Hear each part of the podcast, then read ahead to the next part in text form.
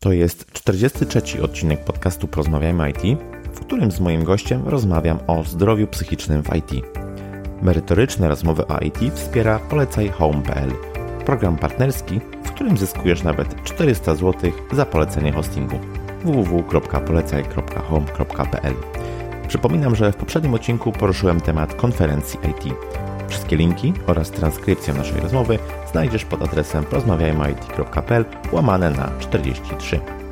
Na końcu będzie informacja z kodami zniżkowymi i konkurs na wejściówkę na konferencję Positive Technologies.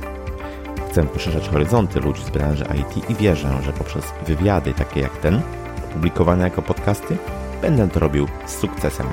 Ja się nazywam Krzysztof Kępiński i życzę Ci miłego słuchania. Odpalamy. Cześć. Mój dzisiejszy gość to psycholog biznesu, która ostatnie 10 lat spędziła w dużych firmach IT, pracując na różnych stanowiskach. Od serwis desku poprzez zarządzanie, rekrutację i szkolenia kadry zarządzającej, HR i bycie Scrum Masterem. Aktualnie specjalizuje się w pracy z zespołami i pojedynczymi osobami w zakresie kompetencji liderskich, efektywnej pracy zespołowej oraz komunikacji. Prywatnie uwielbia koty, słońce i tworzenie sztuki. Moim waszym gościem jest dzisiaj Daria Dorda. Cześć Daria, bardzo mi miło Cię gościć w podcaście. Cześć wszystkim, mnie też jest bardzo miło. Witajcie. Z Darią porozmawiamy dzisiaj o niełatwym temacie, który nie jest może zbyt oczywisty pod względem kojarzenia go z IT, ale jak się okaże, jak się okaże ma jednak sporo e, związków. Tym tematem będzie dbanie o zdrowie psychiczne w IT. I Daria, ja na początku zawsze moich gości proszę o to, żeby powiedzieli, czy słuchają podcastów, a jeśli tak, to żeby podzielili się swoimi ulubionymi pozycjami. Ja mam tak, że ja w ogóle lubię opowieści. Ja lubię ciekawie, dobrze opowiedziane historie, w związku z tym bardziej jestem taką psychofanką audiobooków. um, a w podcastach e, lubię to, bo czasami okazyjnie też sięgam. Też lubię, jeśli to jest taka dobra historia. Ona też może być oczywiście profesjonalna i zawodowa. A ostatnimi czasy mm, ja mam chyba niedużo takich rzeczy, których słucham bardzo regularnie. Raczej słucham rzeczy bardzo różnych, rzadko cyklicznie trochę za dużo jest tych informacji dookoła, e, które nas hmm. otaczają. Facebook, nie Facebook. Ja się czuję trochę przebodźcowana. Mhm. Więc jeśli słucham podcastów, to takich, kiedy coś mnie zafascynuje, no to wtedy drążę. Kiedy czegoś potrzebuję zawodowo, tak na przykład ostatnio trafiłam też na kilka wątków u Ciebie w kontekście e, mhm. zdrowia w pracy z różnych perspektyw. E, gdzieś też trafiłam na, na DevTalk, ale poza tym to na przykład podcasty, które wypuszczają stacje radiowe, Mhm. Bardzo lubię Trójkę, bardzo lubię Tok FM-a. Ostatnio Tygodnik Powszechny e, wypuszcza taki publicystyczny, fajny podcast.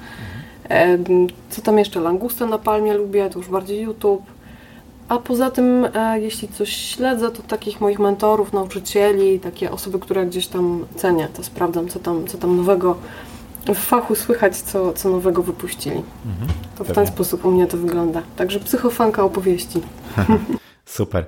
Faktycznie ta scena podcasterska nam się teraz dosyć mocno rozszerza, jest e, z czego wybierać. Fajnie, że, mhm. fajnie że też gdzieś to cię wciąga, powiedzmy. Mm. Mhm.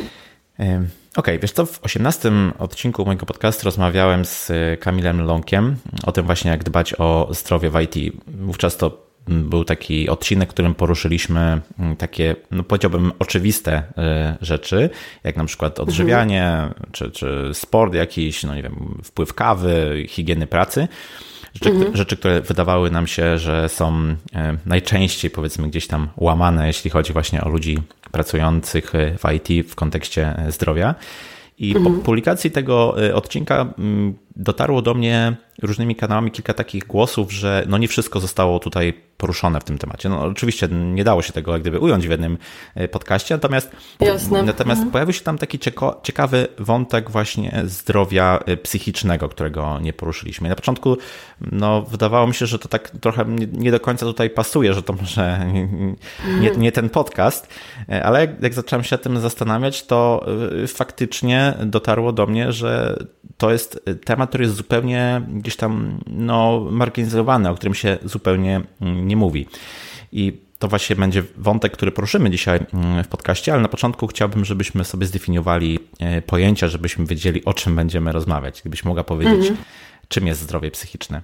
Jasne. Ja jeszcze tylko jakby dopowiem, że myślę, że to w ogóle jest taka fajna intuicja, ta rozmowa, którą miałeś e, z Kamilem, dlatego że dbanie o zdrowie psychiczne też się mocno wiąże z dbaniem takim o siebie fizycznym, o ciało. Pewnie do tego dojdziemy jeszcze mhm. gdzieś, gdzieś później.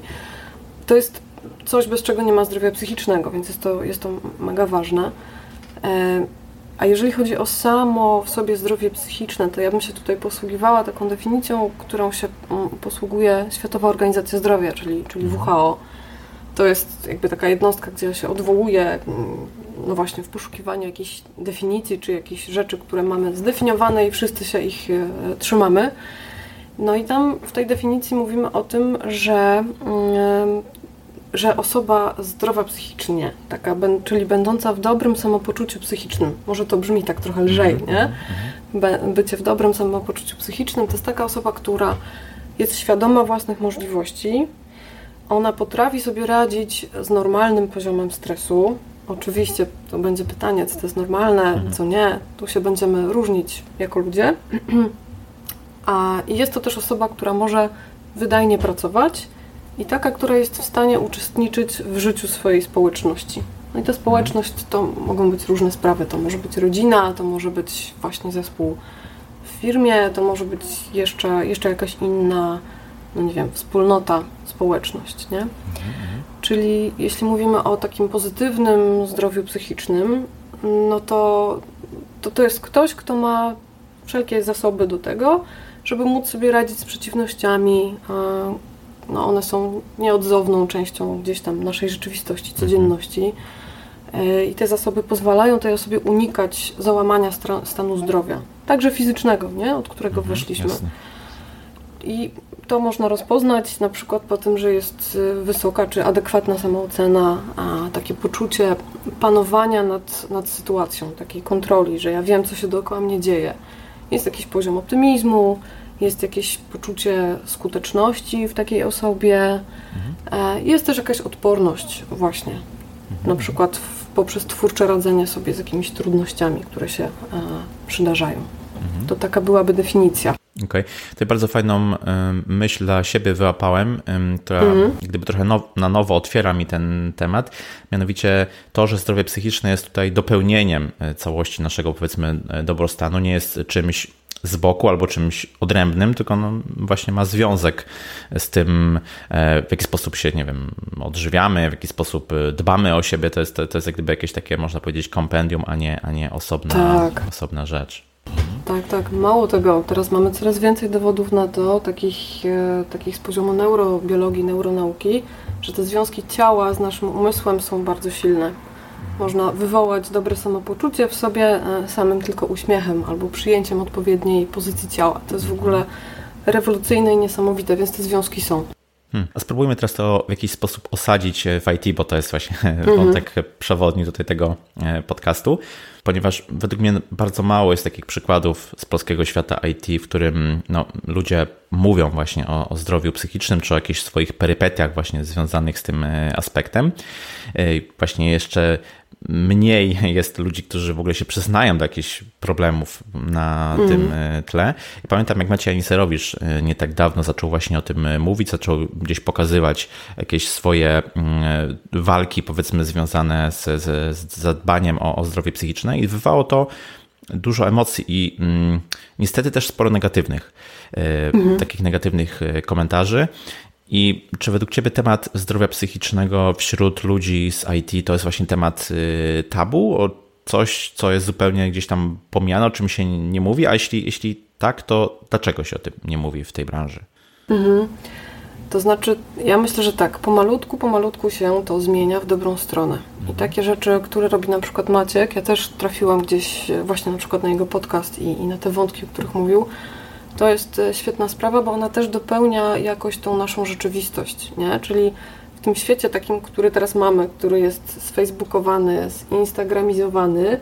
gdzie mamy pokazane takie życie, że wszystko jest w porządku, osiągamy sukcesy i w ogóle i w ogóle, to ta ciemna strona mocy, która też od czasu do czasu się przydarza, schodzi na margines. Um, więc mówienie o tym uważam, że za rzecz bardzo istotną i taką w ogóle przywołującą całą sytuację do, do jakiejś normy. Y, jak, jeśli pytasz mnie, jak sądzę, jakie są przyczyny i jakby jak ja to obserwuję, to myślę sobie, że my w Polsce w ogóle mamy taką indywidualistyczną kulturę. Czyli my kładziemy nacisk na, bardziej na jednostkę niż na jakąś właśnie wspólnotę, na jej osiągnięcia. Mhm. Traktujemy siebie jako osoby niepowtarzalne, niezależne od otoczenia itd., tak itd. Tak I w IT pozwolę sobie to powiedzieć, nie wiem, czy się z tym zgodzisz, ale wydaje mi się, że taki kult wiedzy szczególnie mhm. panuje. E, bardzo stawiamy na intelekt, bardzo stawiamy na to, co wiemy. Mhm. No i teraz co nam nakręca tą sytuację, no bo decyzje dotyczące na przykład zatrudnienia, czy awansu, czy jakiejś premii zależą od umiejętności osiągnięć pracowników, od tego na przykład, mhm. jakie zna technologie, ile zna tych technologii, co jest w stanie zrobić, czego nie. Czyli w tej kulturze bardzo się pompuje tą taką, jak wiesz, no to jesteś kimś, mhm. nie?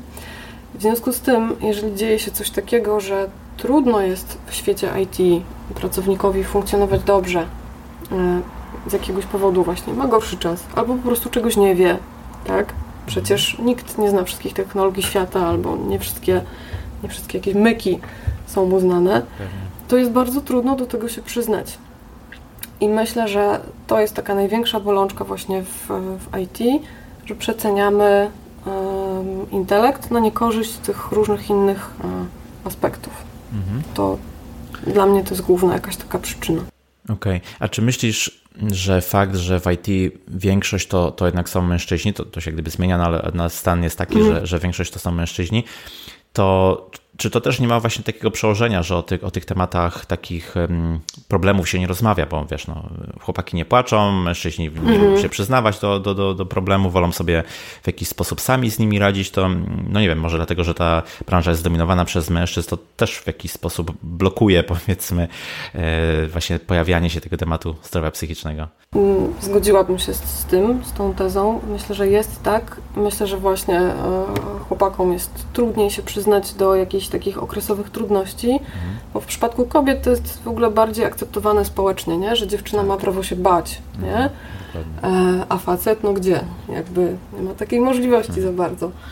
Um, czy ze złości, czy okazać w ogóle jakieś inne emocje, więc myślę, że wy, drodzy panowie, tutaj macie mm, troszeczkę trudniej pod kurkę. Ale żeby tak nie było tylko negatywnie i smutno, to, to nawiązując do tego, co już powiedziałam, myślę, że to pomalu, pomalutku się zmienia. Ja nie tak dawno byłam na takim meetupie e, z Tomkiem Włodarkiem. Mhm. Myślę, że taka postać rozpoznawalna, szczególnie dla agile'owców. Mhm. I on e, mówi o czymś takim jak dług emocjonalny. Mówi o tym na swoim przykładzie, co on przeżył w roli product ownera, ile go mhm. to kosztowało, dlaczego, co i jak. I nawet rozmawiałam z nim później o tym, że uważam, że to jest mega ważne, że taka postać jak e, Tomek wychodzi do ludzi i mówi: Słuchajcie, zdarzyło mi się. Tak. Wyglądało tak i tak, poradziłem sobie z tym i z tym, o, tak a tak. Uważajcie, możecie zrobić to i to. Więc na szczęście to pomalutku, pomalutku według mnie idzie w dobrą stronę. No właśnie, i uczepię się trochę tego ostatniego wątku, mhm. od tej takiej pozytywnej myśli, która, która gdzieś tam na końcu się pojawiła w Twojej wypowiedzi. To wobec mhm. tego, skoro to się zmienia jakoś powoli, ale mimo wszystko w dobrym kierunku, to czy ludzie mhm. z IT według Ciebie są gotowi i otwarci, żeby nad zdrowiem e, psychicznym pracować? Czy tutaj też obserwujesz jakąś e, pozytywną zmianę? Znowu to zależy.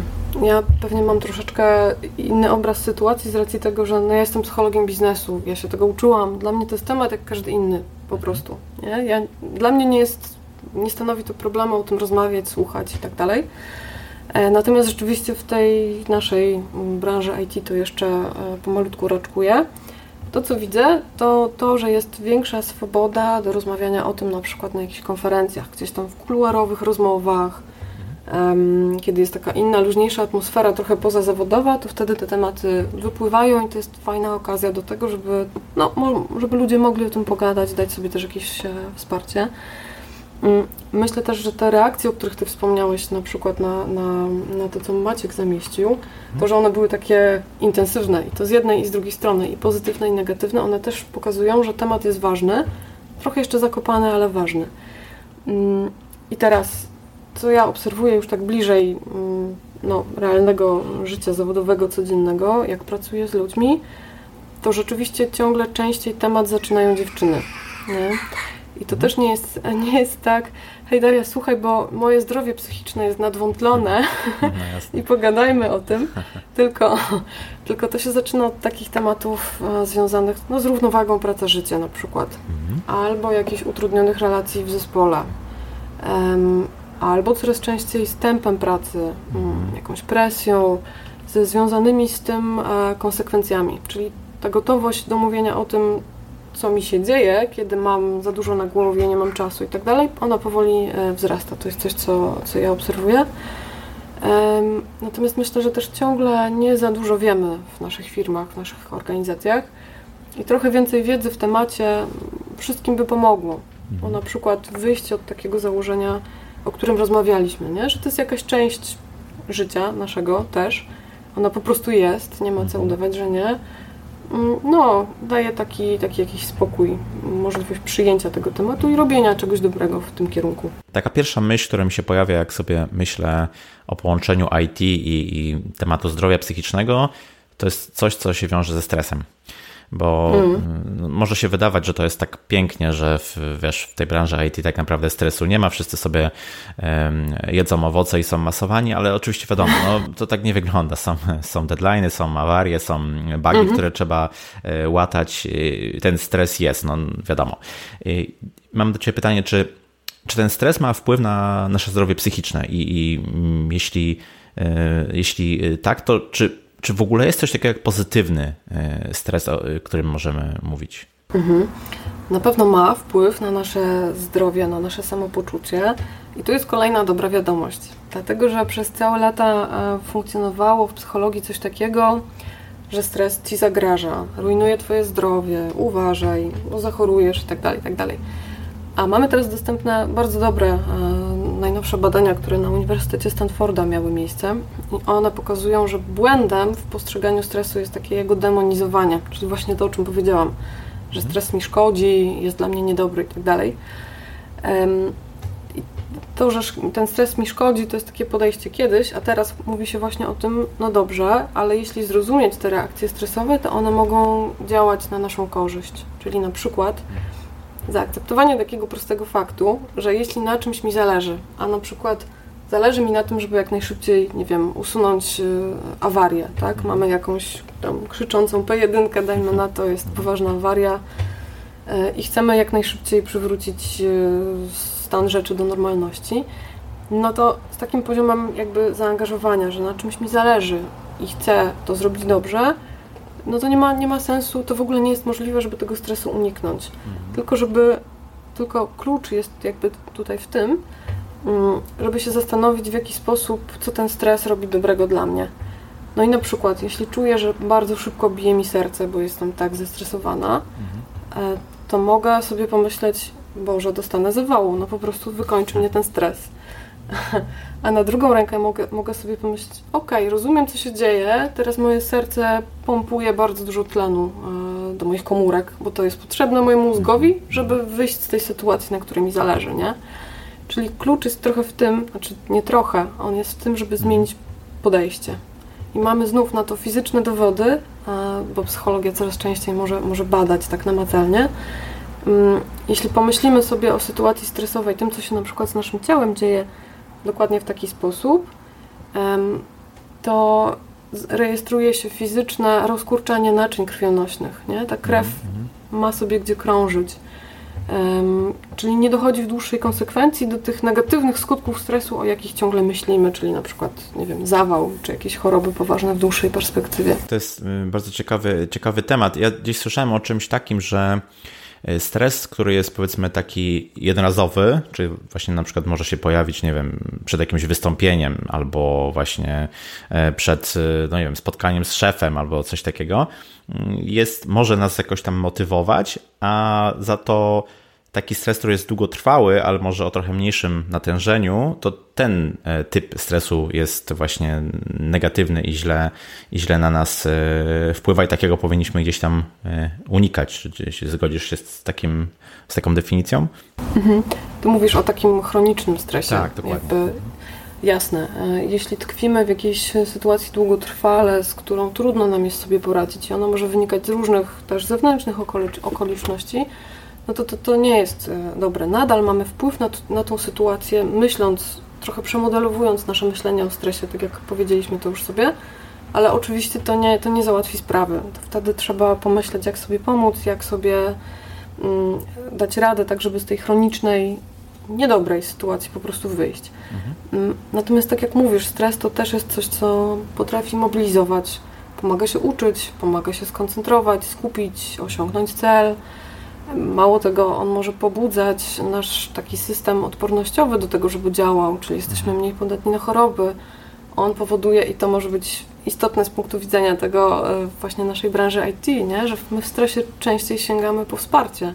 Tak. Czyli to właśnie wtedy w stresie jesteśmy bardziej gotowi do tego, żeby zagadać kolegę z biurka obok, no słuchaj, potrzebuję, nie? weź podpowiedz, weź pomóż.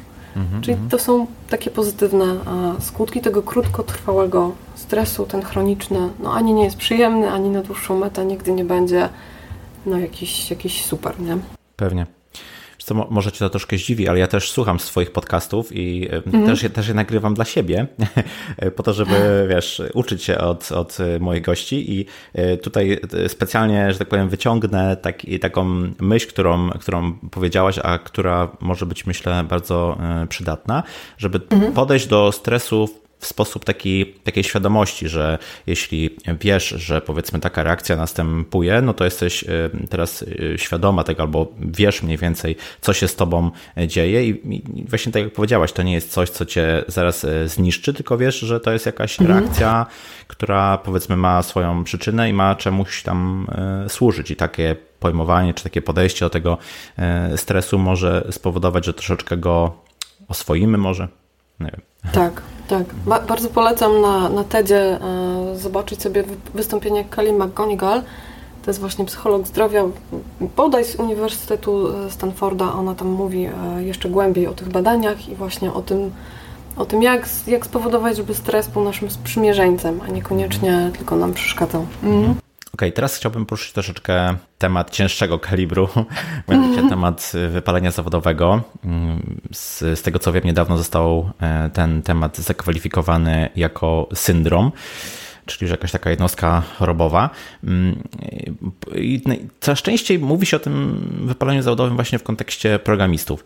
Mm, mhm. Z, właśnie z tym wspomnianym Maciejem Aniserowiczem jakiś czas temu nagrywałem podcast o tym, co robić ze sobą, gdy programowanie się znudzi i tam te wątki wypalenia zawodowego też się, też się pojawiały.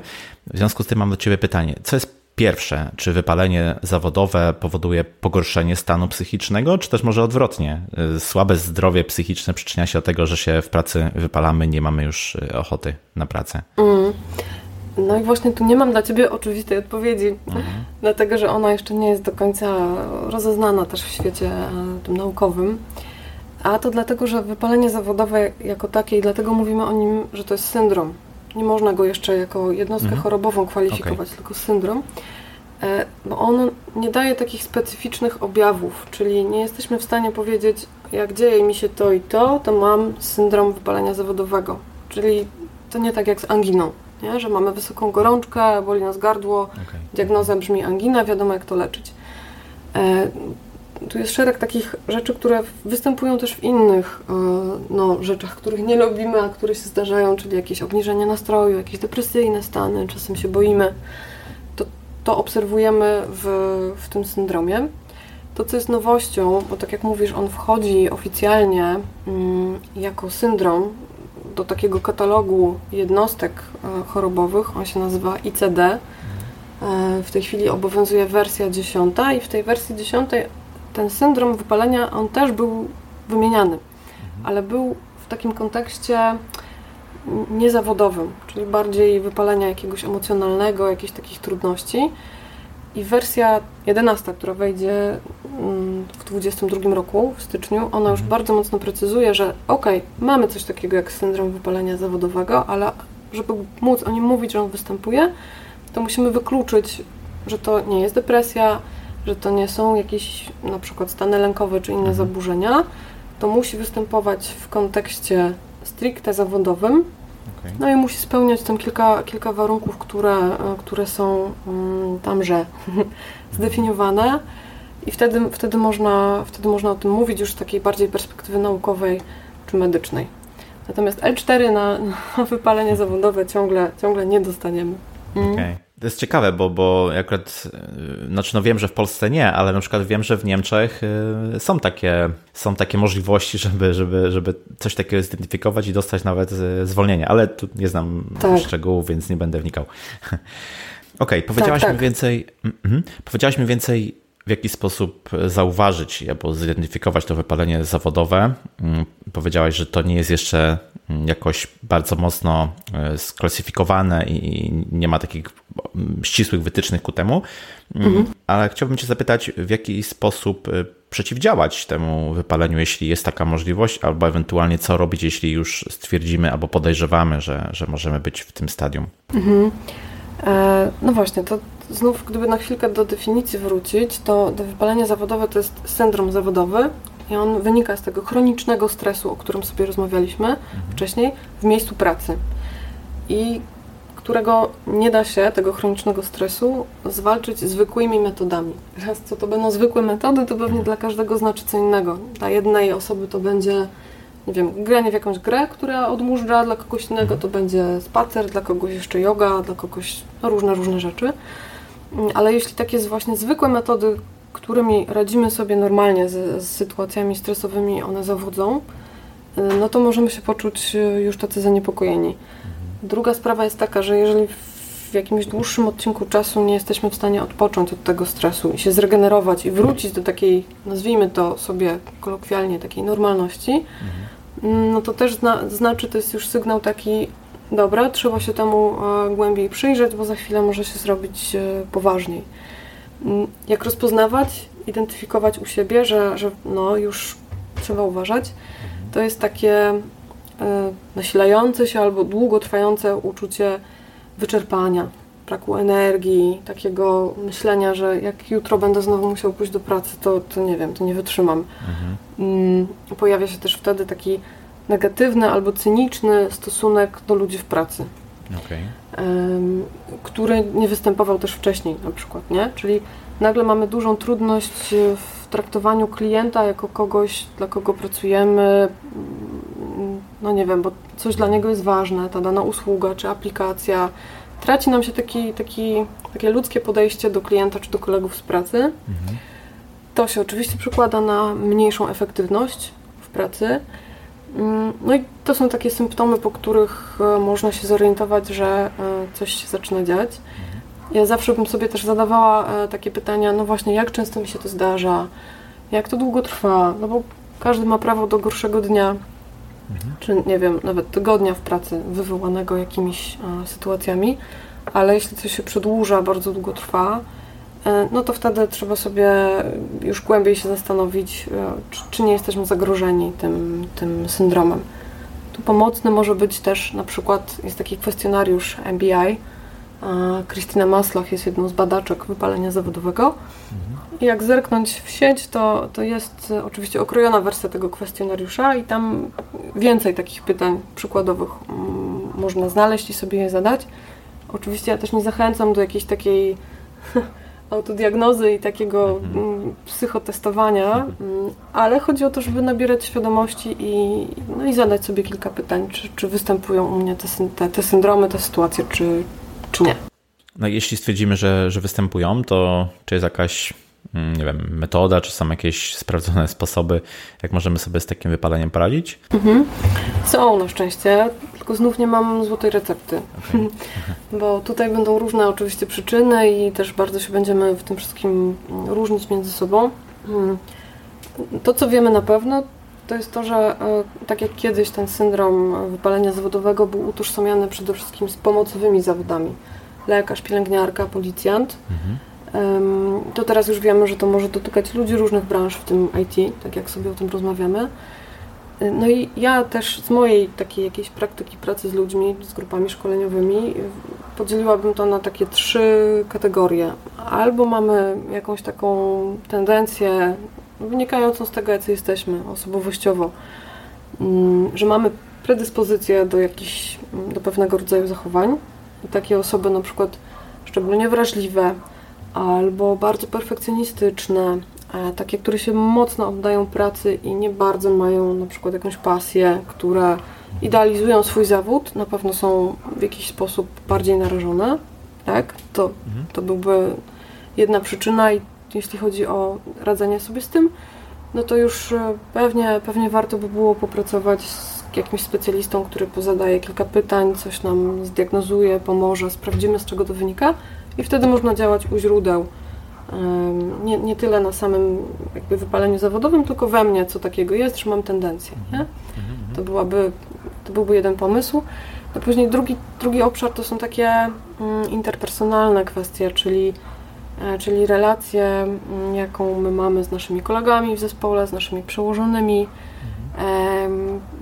Pytanie znowu można sobie zadać, czy jest tak, że jakoś nadmiernie się angażuję w jakieś konflikty, w problemy czyjeś. E, no, jaką mam relację właśnie z tymi, z tymi osobami, z którymi sobie na co dzień jestem i współpracuję.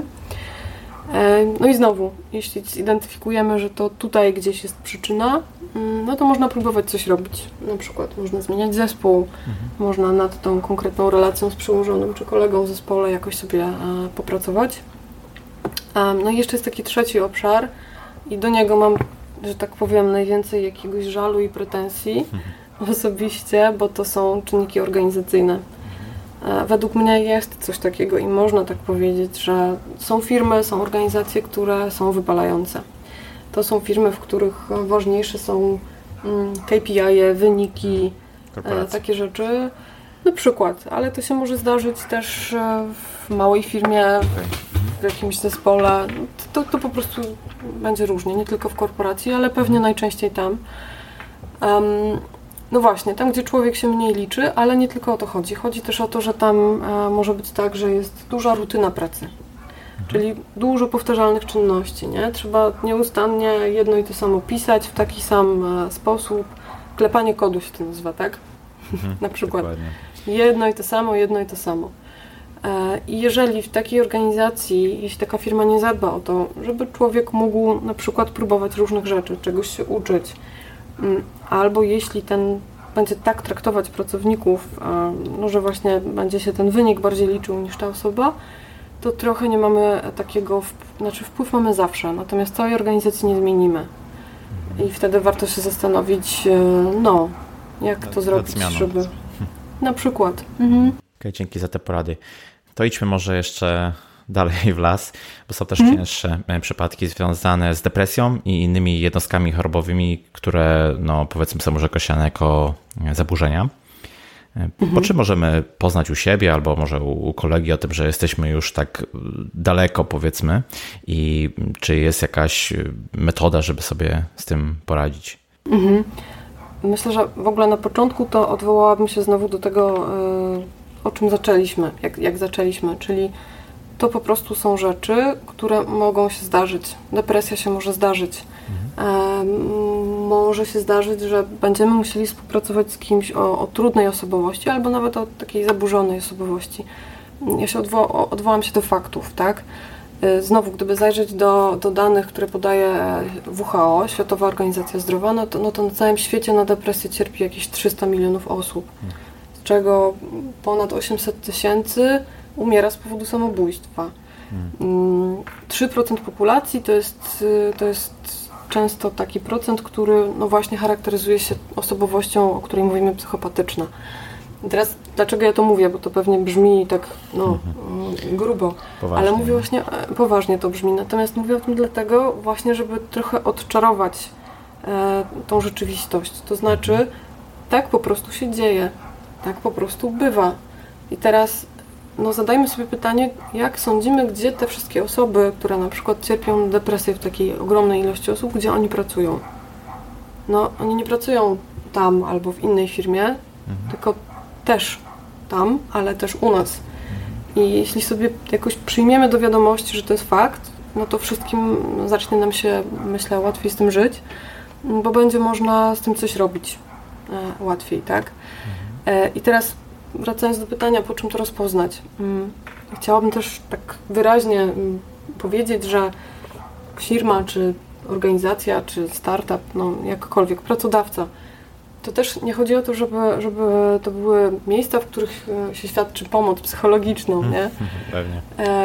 Natomiast fajnie by było, gdyby w tych miejscach e, było wiadomo właśnie, jak to rozpoznawać, bo wtedy już można tego pracownika jakoś, e, jakoś wesprzeć.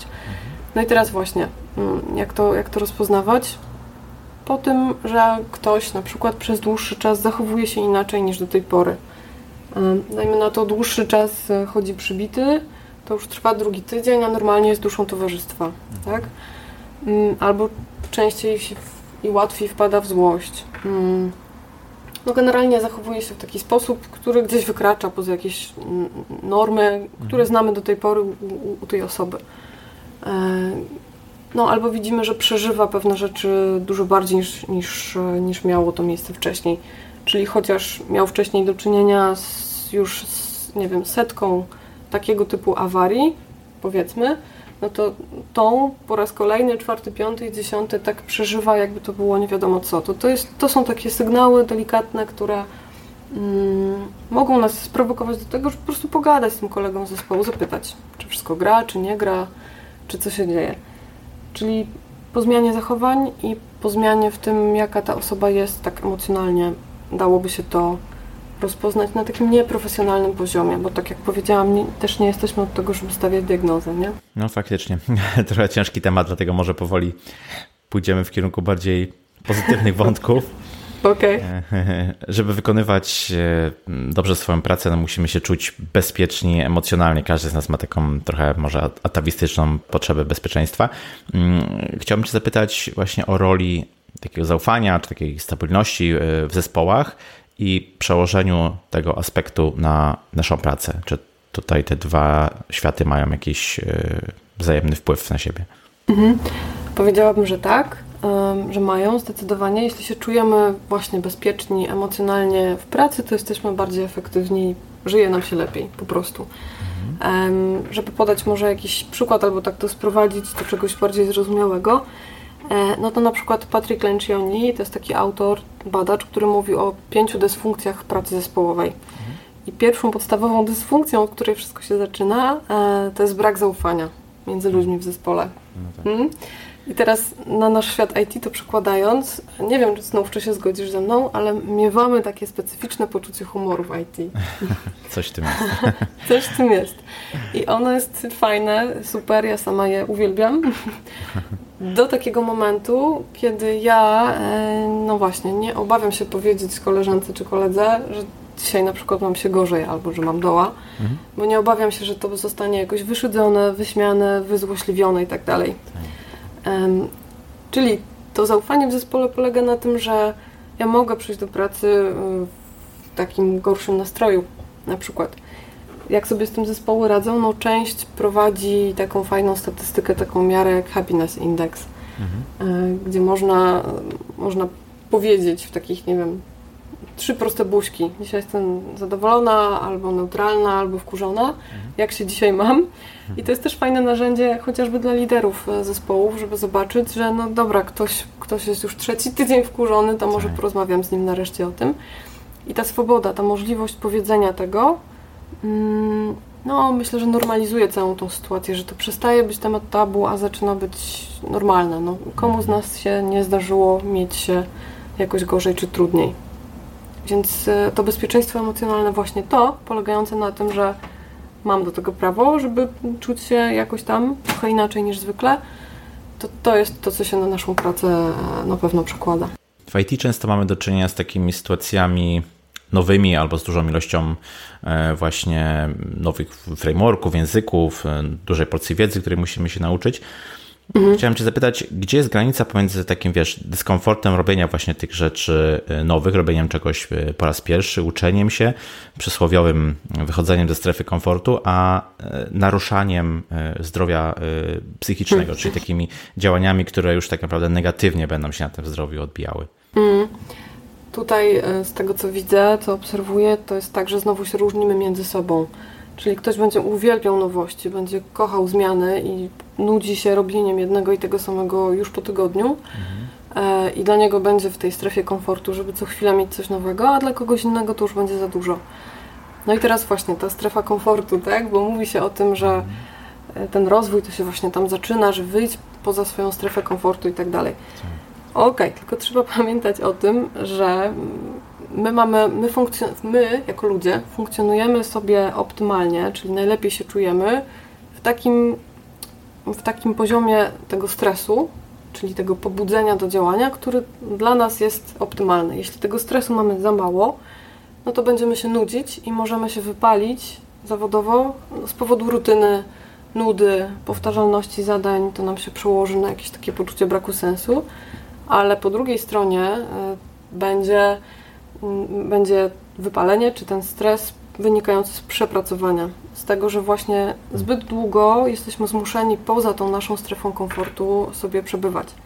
I prawdą jest, że ten rozwój i nauka dzieje się w strefie, w strefie rozwoju, mhm. tylko trzeba pamiętać, że oprócz strefy rozwoju mamy jeszcze strefę paniki. I jeżeli e, na przykład, nie wiem, sytuacja tego wymaga, albo ktoś kogoś wrzuci, może nawet nieświadomie, niechcący do tej strefy paniki, czyli on będzie musiał szybko stać się ekspertem w jakiejś nowej zupełnie dla siebie dziedzinie, to nie tylko go to nie rozwinie, ale on jeszcze tym chętniej będzie wracał do tej strefy, w której się czuje właśnie bezpiecznie, e, do tej strefy komfortu. Czyli nic na siłę, i trzeba, trzeba dobrze swoje możliwości też jakoś rozeznawać. No i tu jest ta granica. Tak? W tej strefie paniki nie nauczymy się niczego i nie będziemy dobrze funkcjonować. W strefie rozwoju owszem, pod warunkiem, że mamy różne, różne rzeczy po drodze mm, zadbane, które z tej strefy komfortu wynikają. Bardzo konkretna porada, dzięki. powiedzieliśmy tutaj o tych owocach, masażach, chilling roomach i innych tego typu wynalazkach. I chciałem Cię zapytać, czy to jest wszystko, co, co działy HR mm, mogą zrobić, żeby poprawić powiedzmy ten dobrostan albo poprawić jakość zdrowia psychicznego pracowników z IT? Nie, zdecydowanie to nie jest wszystko. To znaczy, to w ogóle fajne, że my mamy dostęp do tych stołów z piłkarzykami, do tych foteli masujących i że są te owocowe środy, to jest wszystko świetnie. Chociażby dlatego, że to nawiązuje do, do tego, o czym zaczęliśmy, że w zdrowym ciele, zdrowe ciele, -hmm. tak? Czyli do, dobrze o siebie zadbać, żywiąc się zdrowo i tak dalej. Natomiast to nie może być tylko strategia taka employer brandingowa, mająca jakoś wypromować pracodawcę na rynku, tylko to musi być według mnie coś takiego naprawdę autentycznego. No bo, no bo co z tego, że pracownik będzie miał dostęp nawet do jakiegoś takiego hiperpakietu opieki zdrowotnej, mm, prywatnej, jeżeli on skorzysta nawet z niej i będzie musiał kolejnego dnia i kolejnego i kolejnego tkwić w tej firmowej, trudnej rzeczywistości, gdzie na przykład nie dba się o ludzi.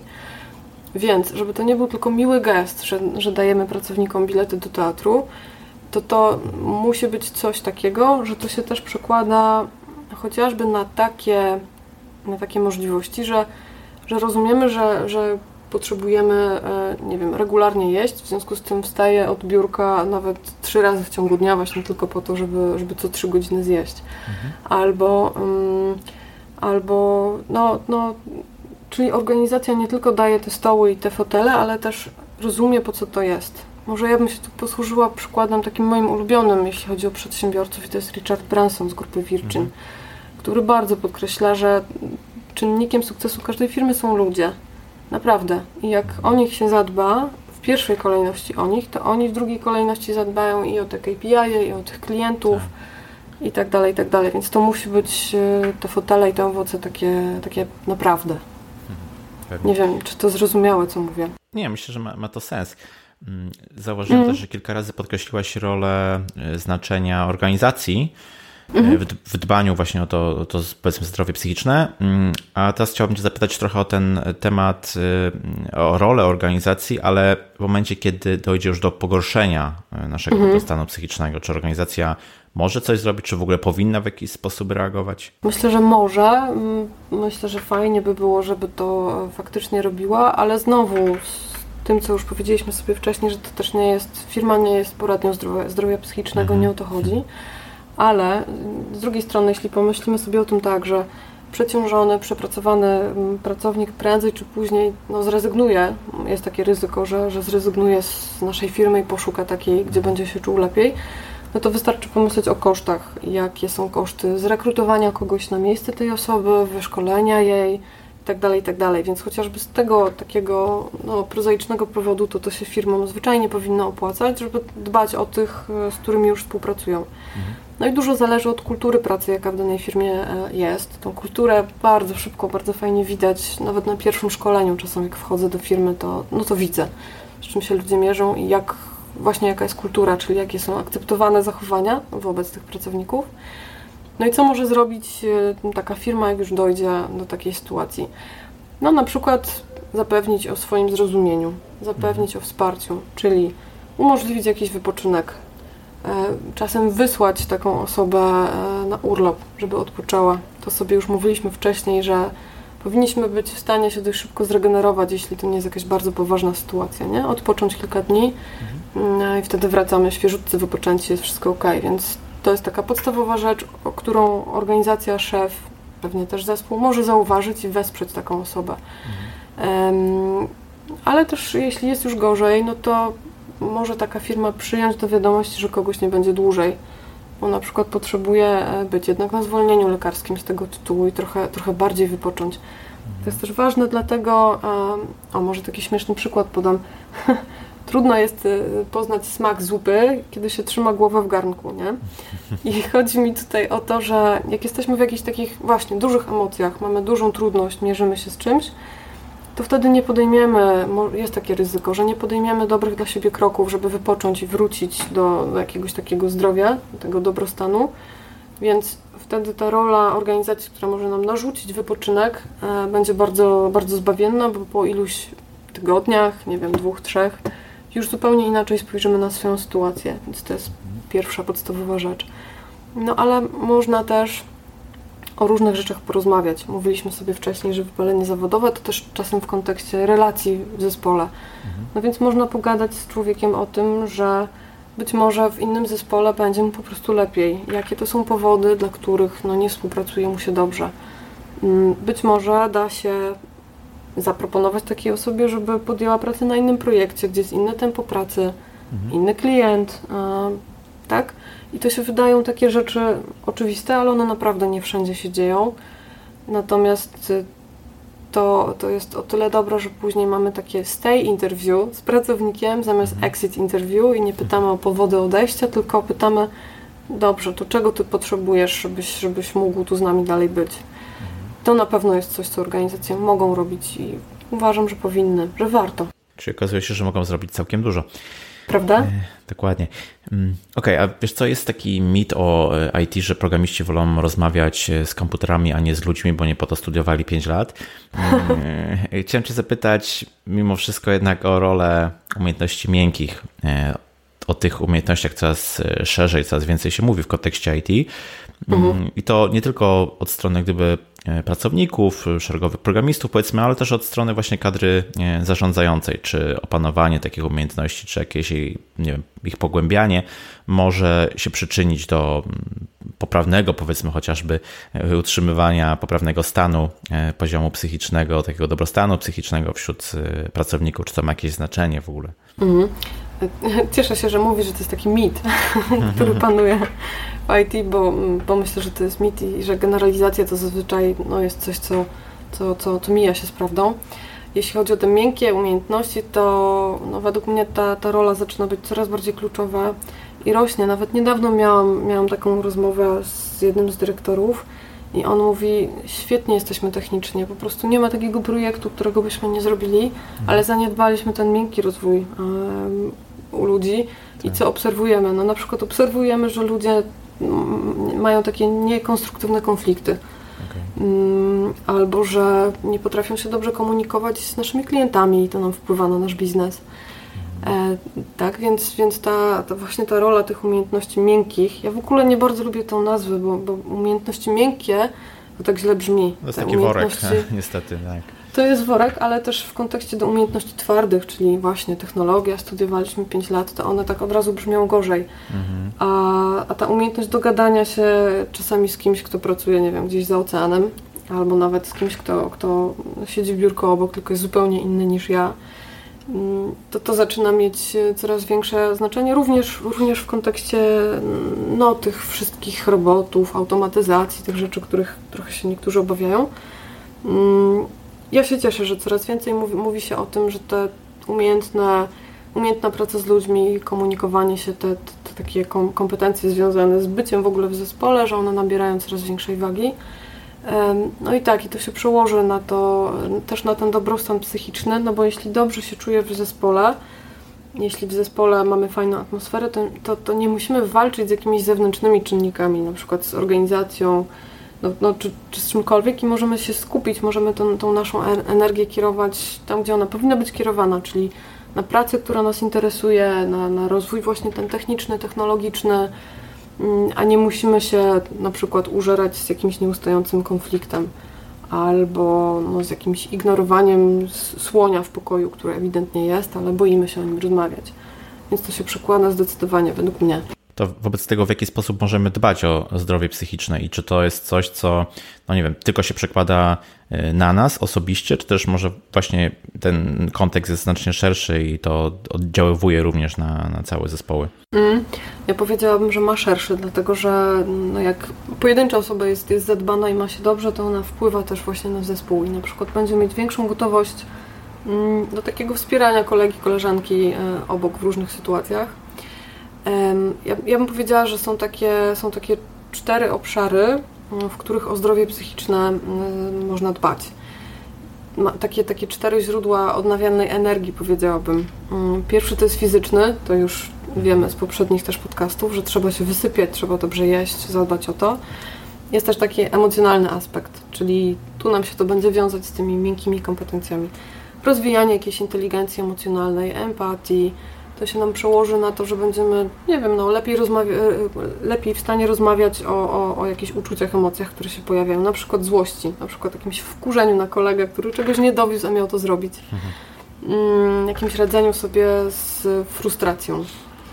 E, jest też, jest też zasób taki umysłowy, intelektualny, czyli ten, który bardzo lubimy w IT, i jeśli z niego mądrze korzystamy, no to będę wiedzieć, e, będziemy wiedzieć, na co mam wpływ, a na co nie mam wpływu. Czyli, mhm.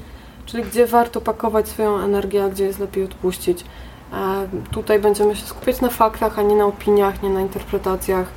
Tu są też takie rzeczy w tym zasobie umysłowym, jak efektywnie na przykład zarządzać sobą w czasie, jak dobrze planować swoją pracę, czyli takie twarde, mm, twarde rzeczy. E, I jest jeszcze aspekt, który zabrzmi bardzo filozoficznie, no ale tak się nazywa, taki aspekt duchowy, ale tu chodzi o takie e, rzeczy, na przykład jak pasja, czyli czy ja żyję mhm. tylko pracą, czy mam też coś, co robię po pracy, co uwielbiam i, i uwielbianie tego i robienie tego przynosi mi tyle frajdy i radości, że ja jestem w równowadze. Nie? E, jeśli zadbamy o te cztery, cztery aspekty, o wszystkie, jeśli one będą w równowadze, no to jest e, spora szansa, że będziemy mieć się mm, dobrze i będziemy żyć długo i szczęśliwie i efektywnie w pracy. Wspomniałaś gdzieś na początku naszej rozmowy, że o zdrowiu psychicznym nieraz rozmawia się w kuluarach podczas powiedzmy konferencji. Ja mm. niedawno byłem na takiej, gdzie była wręcz e, ścieżka mm, soft o różnych e, tematach nietechnicznych. Między innymi właśnie kilka takich wątków, o których dzisiaj rozmawiamy, też się tam e, przewinęło, także mm, to jest myślę też fajne zjawisko. Mhm. Wiem, że o wypaleniu zawodowym i aspektach zdrowia psychicznego będziesz mówić na konferencji IT Matters 21 września w Warszawie. Temat mocno nietechniczny, co by nie było, a jednak z, tak. z IT związany. Jak myślisz, warto przyjść na Twoje wystąpienie? Jak mogłabyś zachęcić naszych słuchaczy, żeby, żeby przyszli? Ja zachęcam w ogóle do tego, żeby przyszli na konferencję e, w całości, bo uważam, Pewnie. że ona jest super. Dlatego, że ona porusza właśnie e, te rzeczy, które niekoniecznie są tylko fajne w IT, że to nie zawsze jest tylko kraina mlekiem miodem płynące, ale że ma też swoje problemy, które jak nazwać i o nich opowiedzieć, to można sobie z nimi fajnie radzić. Więc to tak, taka konferencja, która no, urealnia trochę, nie? pokazuje drugą stronę medalu, urzeczywistnia. E, jak ja bym zachęciła do przyjścia na moje wystąpienie, ja będę mówić o tym, czym ten syndrom wypalenia zawodowego jest, jak, jak go w naszej branży IT rozpoznawać, czyli będzie jeszcze więcej szczegółów a propos tych rzeczy, które dzisiaj sobie powiedzieliśmy. E, będzie dużo wskazówek dla, dla menedżerów, ale też dla pracowników, e, jak wspierać, żeby, żeby nasza praca nie była wypalająca. No ale też co zrobić, jak już nam się przydarzy, albo jak naszemu koledze się, e, się przydarzy, to, to jak sobie z tym poradzić. No i myślę, że to istotne, no bo jedną trzecią naszego życia jednak spędzamy w pracy. No i fajnie by było zrobić wszystko, co możliwe, żeby to był fajny, zdrowy, zbalansowany czas. Więc zapraszam. Dokładnie. Ja również zapraszam na całą konferencję, na wystąpienie Darii. Konferencja IT Matters 21 września 2019 w Warszawie. Więcej informacji na itmatters.pl. No i co? Temat ciężki, ale bardzo fajnie e, Daria o nim opowiedziała. Mam nadzieję, że Dziękuję. trochę przybliżyła ten, e, ten temat i, i sprawiła, że no stał się on taki bardziej bliski, powiedzmy, mm, ciału, bliższa ciału koszula, tak? E, bardzo Ci dziękuję, Daria, za, za to, że, że powiedziałaś o tym e, trudnym, co by nie było mm, temacie. Mm, wielkie dzięki. I powiedz, gdzie Cię można znaleźć w internecie? Ja również bardzo dziękuję za podejmowanie takich tematów, nie zawsze łatwych, tak jak mówisz. Mhm. Mnie można znaleźć w internecie na ten moment głównie na LinkedInie gdzie będę podlinkowywać e, różne rzeczy, które robię i którymi się zajmuję, ale już niedługo pewnie też, pewnie też jakaś moja strona, jakiś blog. Zapraszam też do sprawdzenia stron e, firm, z którymi ja współpracuję jako konsultant. Tam można też troszeczkę więcej na mój temat i tego, jak pracuję, się dowiedzieć. Świetnie, wszystko to podlinkuję.